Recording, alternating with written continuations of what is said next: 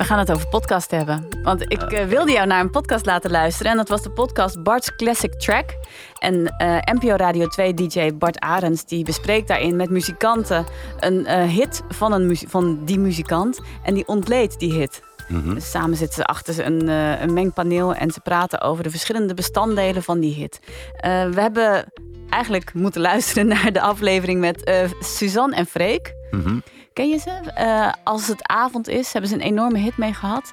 Laten we even luisteren hoe die podcast begint. Ja. Dit, dit is de Classic Track podcast van Bart Arends van Afrotros. Elke aflevering nodigt Bart een bekende artiest uit om te praten over het ontstaan van zijn of haar grootste classic. Met, met deze keer Suzanne en Freek. Dit is de Classic Track waar we de mogelijkheid hebben om een liedje compleet uit te splitsen in alle instrumenten die erin zitten. Dat hebben we gedaan op dit mengpaneel. En vandaag de gast Suzanne Freek. Hey. Hi there. Het gaat natuurlijk om deze. Ik kan het niet hebben als het avond Als het avond is, wat, wat zijn de records die gebroken zijn? Voor mij een van de langst genoteerde platen in de hitlijsten. Uh, de traagste nummer 1 ooit. De traagste? Oh, dat duurde heel lang voordat hij de nummer 1 te pakken ja, had. Ja, precies. Hij kwam uit in november en hij stond uh, eind maart op nummer 1. Dat heeft even mogen duren. Elke week ging hij gewoon een stapje naar boven en dan ging hij langzaam zo. En hoe lang is dat nu geleden? Uh, dat is nog geen jaar geleden. Ja, dus de opzet van de podcast, een ja. hit ontleden. Ja. Spreek je dat aan? Ja, ja. En is er een hit van jouzelf dat je zegt van nou, dat zou ik wel leuk vinden om die op die manier te laten ontleden? Ik zou dat, ik zou dat echt wel eens een keer, uh, maakt niet uit wat ze uitkiezen. Maar uh, ik weet nog niet wat er nou precies gebeurt zometeen. Ik neem aan dat er enkele sporen te horen zijn. En precies. ook de, de zang nog helemaal droog en wat niet ja, allemaal. En ook uh, zelfs, dat heb ik niet door dat fragment, maar bijvoorbeeld ook het stukje dat je hoort dat ze aan het schrijven zijn. Dat ze ja. aan het neurien zijn. Ja. Echt in wording. De, kijk, dat ken ik natuurlijk van mezelf. Dus heel vaak ontstaan nummers ook van mij gewoon zomaar in de studio. Uit een momentje dat ik uh, in de studio zit en met mijn producer Edwin van Hoevelak praat en zeg van... Hey Edwin, uh, ik heb een melodie in mijn kop. Ik ga eens even bij de piano. En dan beginnen we en dan uh, wordt het eerst van la la la la la la la la la. Dan maakt hij daar geluiden op via zijn keyboards. En, en, dan een bepaalde ritme en een gitaar erop. Dat, dat kan hij allemaal uit de kastjes halen. Achteraf, als het product dan op wordt genomen, dan zit er wel een echte gitarist in te spelen. Maar tegenwoordig zit natuurlijk bijna alles in de computer. Maar uh, dat ken ik. Dus dat, dat weet ik. En het klinkt soms heel raar.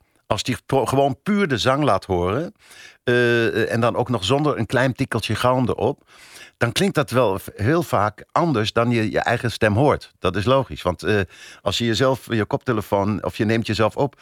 Ik weet niet of dat jouw ervaring bij de eerste parkeer ook hebt ja, uh, dat gehad. klinkt heel anders. Dan ja. vind je je heel anders klinken. Maar zo nemen andere mensen je waar. Dus uh, ik ben heel erg, erg benieuwd. Even nog één stukje wil ik laten horen waarin ze het hebben over creativiteit. Creativiteit wordt versterkt op het moment dat je dingen beperkt. Dus als je mm -hmm. maar kleine dingen waar je uit kan putten iets moet maken, ja. komt er iets moois uit. Werkt het op een of andere manier op die manier ook? Ja, misschien. Ik denk dat het makkelijk te onthouden, zeggen mensen vaak, dat het heel makkelijk in het gehoor ligt. Hm. Dat komt misschien omdat ik, mijn manier van spelen en onze manier is ook gewoon best makkelijk. Omdat ja. ik het gewoon prettig vind.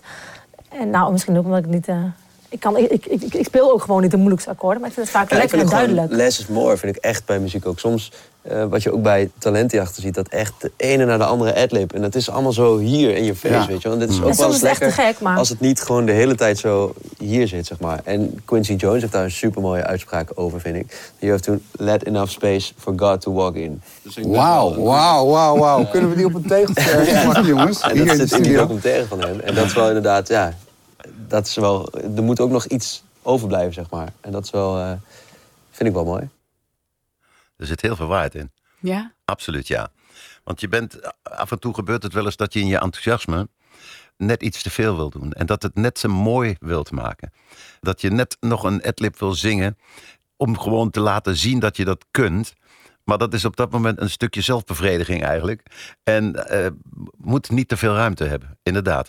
Je moet eigenlijk het zo zingen dat iedereen het eigenlijk kan nazingen. Want dan gebeurt het ook dat mensen jouw liedjes meezingen. Dat is heel belangrijk. Dat, iemand, dat niemand zich moet schamen als hij bij jouw liedje meezingt. Terwijl die dat lang niet zo goed kan. Maar dat is grappig. Ik heb daar nog nooit zo over nagedacht, inderdaad. Dat ja. mensen moeten het kunnen nazingen. Ja, je had in die tijd van Whitney Houston bijvoorbeeld ontzettend veel bij talentenjacht. De mensen die, die dus nummers van Whitney Houston begonnen te zingen. Al zongen ze nog zo mooi. Maar ze konden nooit Whitney evenaren. Dat was gewoon niet meer mogelijk, want die vrouw was gewoon een stemwonder. Dus en dat was gewoon waanzinnig. Dat was niet meer te toppen. Ik zeg ook altijd, blijf van een hit af als je een plaatje covert. Blijf van een hit af die een absoluut evergreen is geworden door tig jaren heen. Doe het niet. Neem nooit Yesterday op. Of dit soort nummers. Want je kan alleen maar afgaan. Een goede cover is vaak beter dan een slecht nieuw liedje. Dat is ook waar. Maar het moet nooit zo'n klassieker zijn zoals bijvoorbeeld Yesterday of iets in die trant. Vind je het een leuke podcast? Ik vind het zeg een leuke maar, podcast. De korte dingen die je nu hebt gehoord. Ja, het is bijzonder interessant vooral. Omdat je de verschillende soorten filosofieën erover van beide kanten gewoon meekrijgt. En dat vind ik heel erg mooi. En het maakproces krijg je mee als Ja, ja, gewone luisteraar. inderdaad. Ja.